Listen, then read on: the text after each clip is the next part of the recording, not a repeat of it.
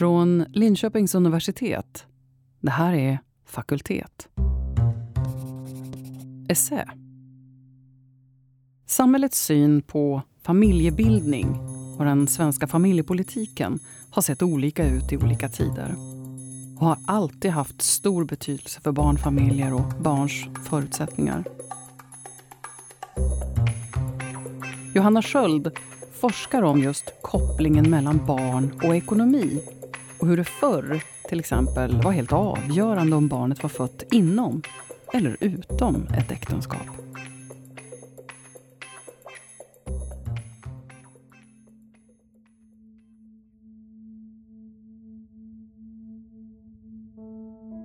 Nu för tiden säger vi inte längre att ett barn är oäkta eller äkta.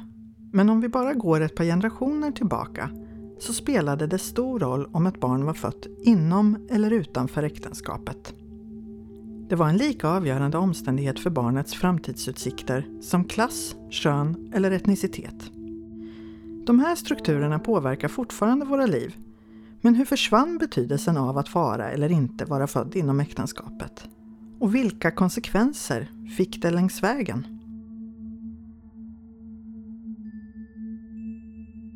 Astrid Lindgren, som då hette Eriksson, födde 1926 en son utanför äktenskapet.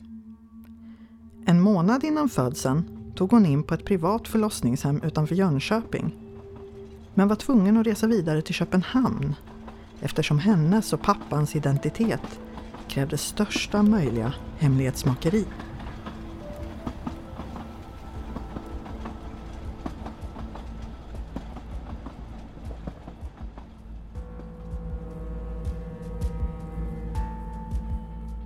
Hon födde sin son på Rikshospitalet eftersom han där varken behövde uppge sitt eller pappans namn.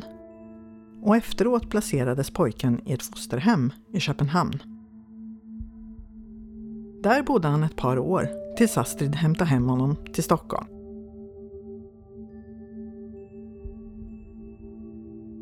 Separationen och det övergivna barnet blev förlagor till litterära gestaltningar i hennes böcker, som bland annat Mion min Mio och Rasmus på luffen.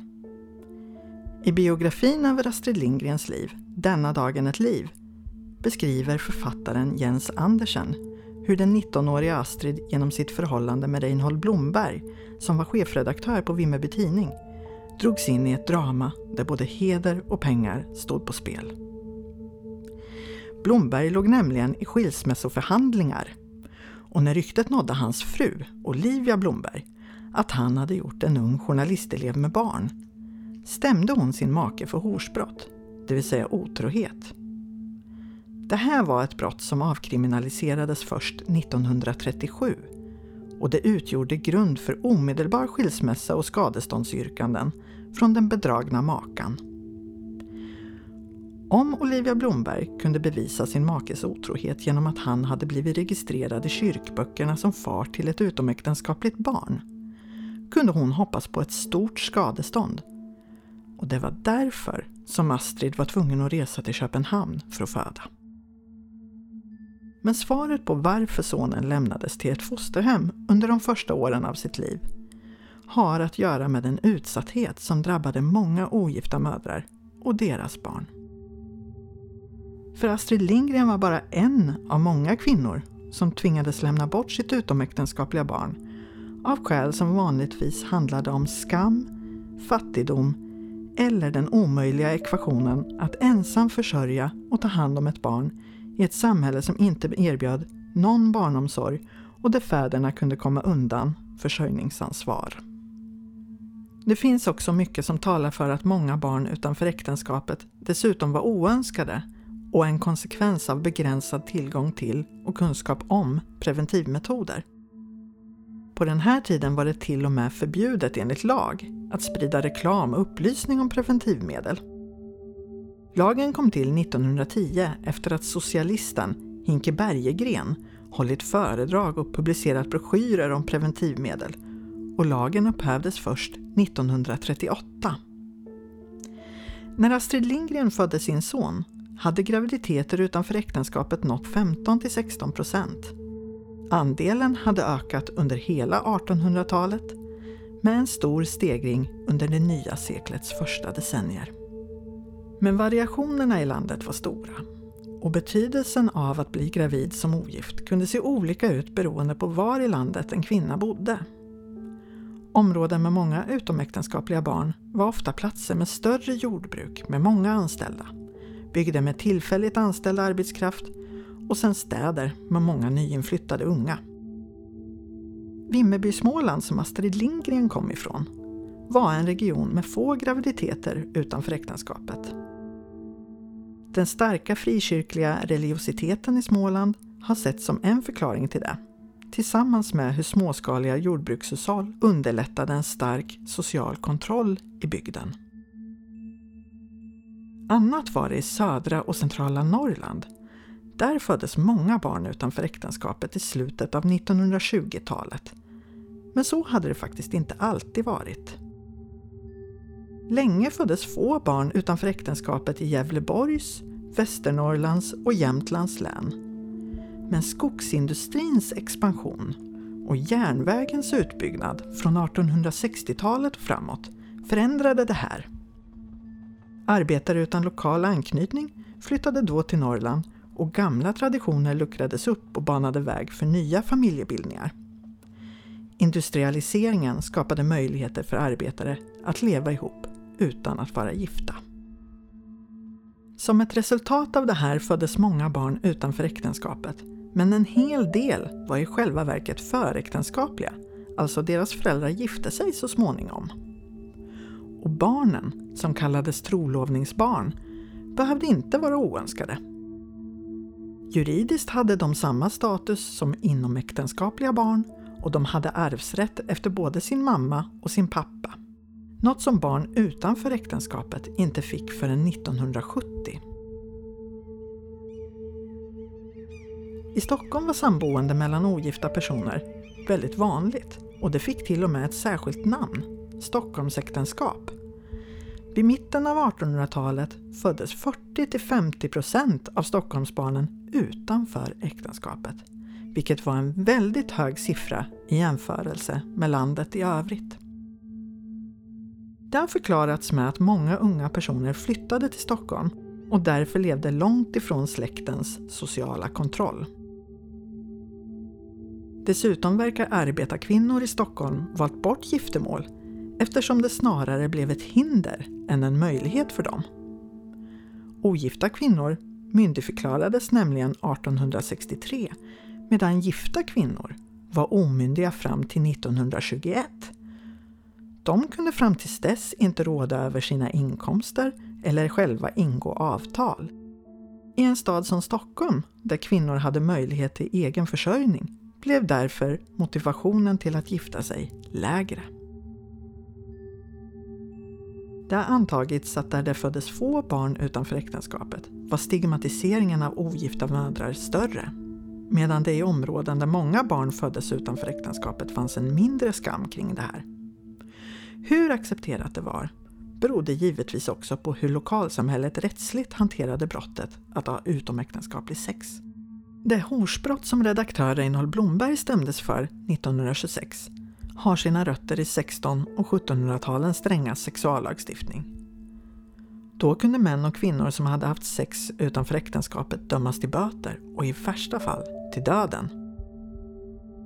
Den anklagade straffades även med uteslutning från nattvarden och offentlig kyrkoplikt som innebar att den brottslige under gudstjänsten skulle stå på en så kallad horpall och erkänna sina synder och be Gud om förlåtelse inför församlingen. De här straffen från kyrka och församling och samhälle medförde att en del kvinnor försökte hemlighålla och röja undan det yttersta beviset på att de hade haft sex utanför äktenskapet, nämligen barnet. Och i vissa fall blev barnamord en desperat utväg. Brottskategorin barnamord, som bara gällde dödandet av barn som fötts utanför äktenskapet, blev i sin tur en av de vanligaste anledningarna till att kvinnor dömdes till döden under 1700-talet. Enligt en förordning som Karl X Gustav utfärdat 1655 så kunde ogifta kvinnor dömas på blotta misstanken. Om en ogift kvinna hade försökt dölja sin graviditet och sen gömt barnet efter förlossningen kunde det antas att hon hade dödat det och personer från det egna hushållet eller lokalsamhället vittnade inte sällan mot den anklagade. År 1778 lyckades Gustav III, inspirerad av upplysningsidéer från kontinenten, övertyga riksdagen om att det var just det här hårda fördömandet som ledde till barnamord och att en förbättrad situation för ogifta mödrar borde göra att barnamorden minskade. Det här föranledde det som kallats för Gustav IIIs barnamordsplakat. Det var en lag som bland annat innebar att husbondsfolk skulle hjälpa ogifta kvinnor att hemlighålla graviditeter, att barnmorskor fick tystnadsplikt, att präster inte fick neka ogifta mödrar nattvard, att kyrkoplikten skulle göras enskilt och att tillmälen riktade mot ogifta mödrar förbjöds. Med stöd av Gustav IIIs barnamordsplakat kunde en ogift kvinna föda sitt utomäktenskapliga barn på okänd ort där hon varken behövde uppge sitt eller pappans namn i kyrkoboken. Och det här skapade uttrycket fader och moder okänd. Det här var ett begrepp som levde kvar ända fram till 1917 när den här anonymitetsrätten avskaffades. Det ligger nära till hans att tro att barnamordsplakatet ledde till en ökad trygghet för ogifta mödrar och deras barn. Men för många blev det istället precis tvärtom. Eftersom fäderna kunde vara anonyma innebar det att många pappor inte behövde betala underhållsbidrag som tidigare. Och i takt med att män undkom rättsligt och ekonomiskt ansvar föddes allt fler barn utanför äktenskapet och mödrarna lämnades ensamma med försörjningsansvaret. Konsekvensen av det här blev att antalet fosterbarn och barnhemsbarn ökade under 1800-talet. Bara 38 procent av barnen som fötts utanför äktenskapet 1889 bodde med en biologisk förälder, oftast mamman, när de var sex månader gamla. 19 procent bodde i fosterhem, på barnhem eller var omhändertagna av fattigvården. Och för drygt 42 procent är ödena okända men det är rimligt att tro att de var fosterhemsplacerade hos främlingar. I spåren av barnamordsplakatet grundades flera barnhus i landets större städer. Och tanken var att mödrar skulle kunna lämna in barnen på barnhusen anonymt. Men för att lämna barnen skulle man betala en inlösningsavgift och eftersom den var hög så var det få mödrar som kunde utnyttja anonymitetsrätten på det här sättet. På Allmänna barnhuset i Stockholm så kostade det år 1904 600 kronor att lämna in ett barn anonymt och det motsvarade hela två årslöner för en piga. Som ett alternativ kunde fattiga mödrar amma in sina barn. Inlösningsavgiften betalades då istället genom bröstmjölk och omvårdnadsarbete under åtta månader och då ammade mamman sitt och kanske flera andras barn. Men för många kvinnor så var inte det här ett alternativ. Annonser i dagspressen av mödrar som sökte fosterhem till sina barn och fosterhem som erbjöd sina tjänster visar att många anlitade fosterhem som en utväg istället. På landsbygden tog många ogifta mödrar hjälp av anhöriga men i städerna så var det vanligt att barnen placerades hos främmande människor. I tidningsannonserna angav mödrarna hur mycket de kunde tänka sig att betala till fosterhemmen och i relation till de låga kvinnolönerna så var kostnaden för den här typen av barntillsyn också hög. Men man kunde i alla fall få betala månadsvis, vilket inte gick för sig på barnhuset. Den förtvivlade kampen för att få ekonomin att gå ihop märks inte minst i brev som det här, daterat 1912, från en mamma till sin tvååriga dotters fostermor. Snälla fru Berg, jag har ej skickat pengarna ännu Fru Berg tror nog att jag är tokig. Jag är så gräsligt ledsen så jag vet ej vad jag ska göra. För fru Berg, jag kan ej sova natt efter dag. Jag har nu sökt plats men ej fått någon ännu, men jag har blivit lovad. Det är nog förskräckligt att fru Berg får lida så mycket för mig. Men snälla, snälla fru Berg, ha hjärta med mig. Jag skickar 15 kronor i taget och det vet fru Berg hur punktligt jag har betalat när jag hade plats. Det är ett syrligt straff att hava ett barn. Mot slutet av 1800-talet sågs de här privata fosterhemslösningarna som en fosterbarnsindustri där fattiga fostermödrar beskylldes för att tjäna pengar på de ogifta mödrarnas utsatthet. Vilket i sin tur fick olyckliga konsekvenser för barnen. Inte minst beskrevs dödligheten som upprörande och en statlig utredning visade att fosterbarn under ett år hade nära tre gånger så hög dödlighet som andra spädbarn. Och skillnader mellan stad och land var stora. I städerna dog 44 procent av de små fosterbarnen innan de hade hunnit fylla ett år. Och på landet dog 18 procent. I de mest extrema fallen pratades det om så kallat änglamakeri, alltså medveten vanvård, som orsakade barnens död. Dödligheten berodde egentligen mer på fattigdom, bristande hygien, kost och dåliga bostadsförhållanden än på avsiktlig misskötsel. Men de fall av änglamakeri som trots allt upptäcktes fick stora uppslag i tidningarna. Rättegången mot Alva Nordberg, som 1905 åtalades för fyra mord och tre mordförsök på fosterbarn, blev något av en deckarföljetong i pressen. Svenska Dagbladet skickade en reporter till torpet på Gräddö i Roslagen där Alva hade bott med sina två barn, sin svärfar och ett antal fosterbarn. I intervjuer med ortsbefolkningen berättades att det ena barnet efter det andra hade anlänt till den lilla stugan men att de snart därpå hade avlidit eller försvunnit. Polisutredningen visade att Alva Nordberg på knappt tre år hade tagit emot 17 fosterbarn varav sju hade dött. Barnen som var födda utanför äktenskapet hade förmedlats via annonser. Rättegången rullade upp en tragisk historia som visade hur fosterbarn blivit en ekonomisk lösning för en desperat fattig familj.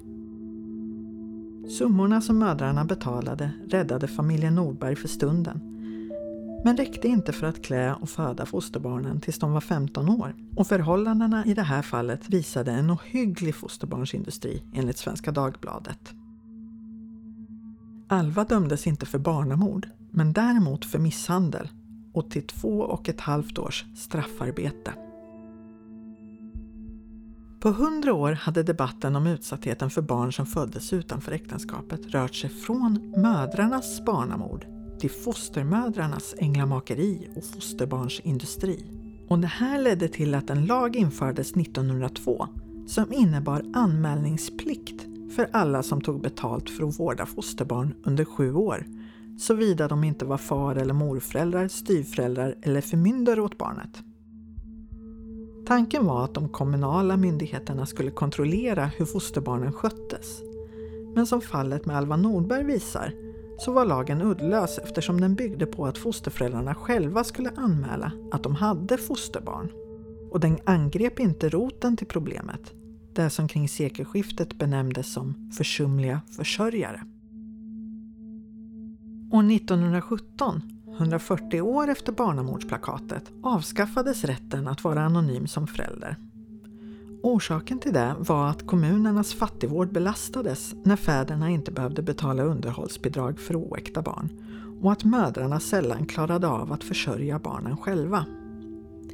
1917 års lag om barn utom äktenskap gjorde klart att barnet hade rätt till både en far och en mor och till försörjning från båda sina föräldrar. Och för att se till att det här följdes så tillsattes barnavårdsmän för varje utomäktenskapligt barn. Barnavårdsmännens uppdrag var att fastställa faderskap och driva in underhåll från fäderna och att stötta de ogifta mödrarna i deras moderskap. Men ibland blev det här stödet mer av en kontroll av mödrarna och barnen.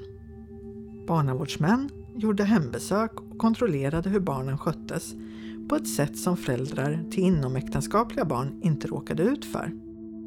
Under större delen av 1900-talet så fick ogifta föräldrar finna sig i att deras föräldraskap övervakades av staten på det här sättet.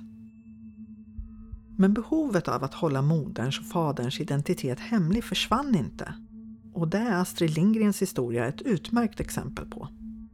Under 1920-talet fanns många små privata förlossnings och spädbarnshem som erbjöd gravida kvinnor inackordering när de inte längre kunde dölja graviditeten Och här skedde även själva förlossningen och fosterhem ordnades åt barnen.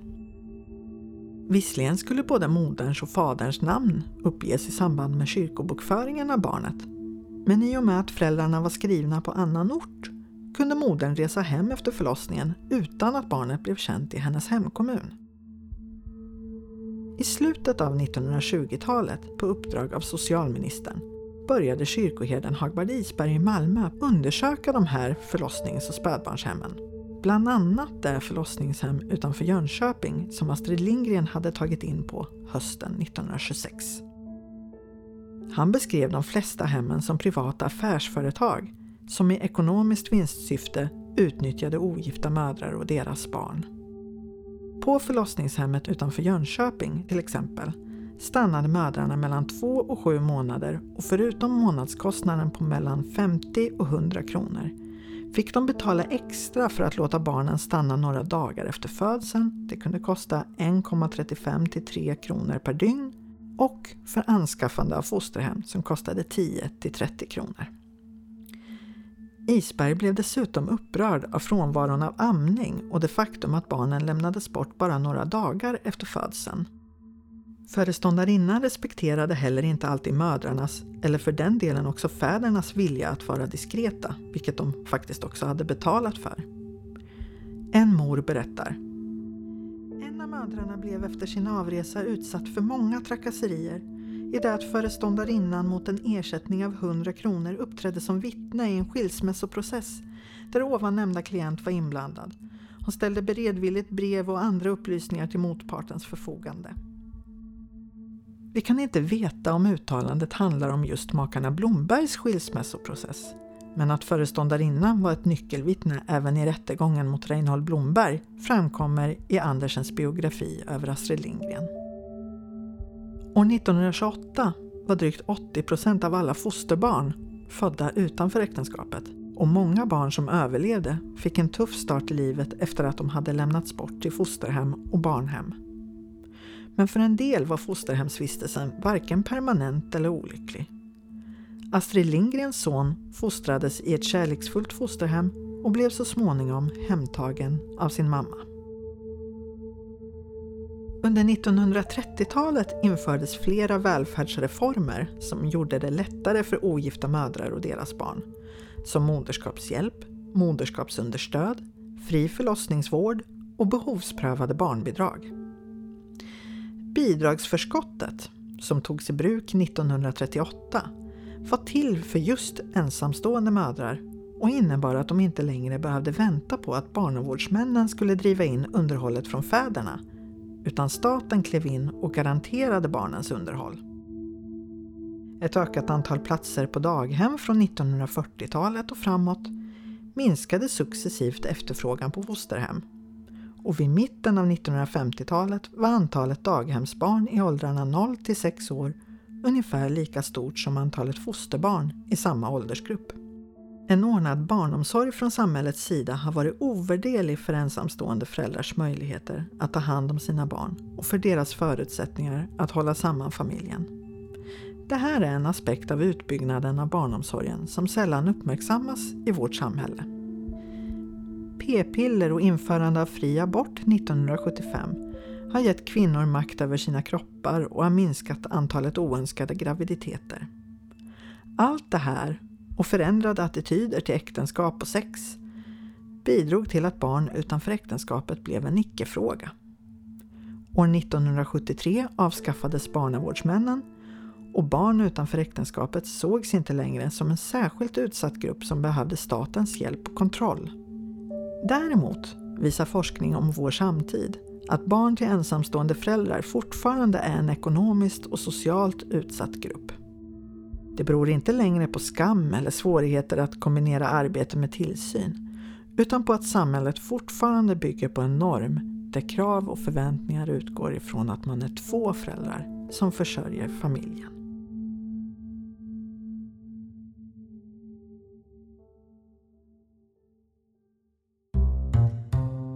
Johanna Sköld, professor och forskare vid tema barn vid Linköpings universitet. Attityden kring barn och äktenskap har alltså förändrats.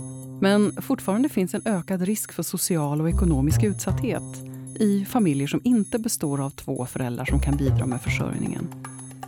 Men även sånt som språknivå och utbildningsnivå har betydelse. I en undersökning från Rädda Barnen, Välfärd inte för alla, från 2019 visar att insatserna minskat under en följd av år när det gäller den ekonomiska familjepolitiken och att fler barnfamiljer i Sverige ligger under EUs så kallade relativa fattigdomsnivå. Det här måttet utgår från medianinkomsten i ett land där 60 är den gräns som gäller för låg ekonomisk standard. Och den här gränsen höjs i ett land i takt med att familjers inkomster ökar. Och när sen insatserna från samhället släpar efter, ja då innebär det att gapet blir större. De som tjänar mer drar ifrån och det blir svårare att jämna ut och lyfta utsatta familjer över den här gränsen. Men intresset för de här frågorna har ökat igen. Regeringen har bland annat föreslagit höjt underhållsstöd, högre bostadsbidrag, fler sociala insatser i socioekonomiskt utsatta områden. Det går inte att blunda för att många familjer har det tufft och lever i fattigdom och utsatthet. Oavsett om barnen är födda i eller utanför ett äktenskap.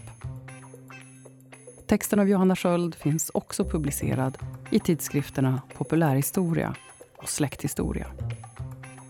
Det här är Fakultet Essä och jag heter Anneli Norberg. Om du vill lyssna på fler podcasts från Linköpings universitet så finns de där poddar finns eller förstås på adressen liu.se podcast.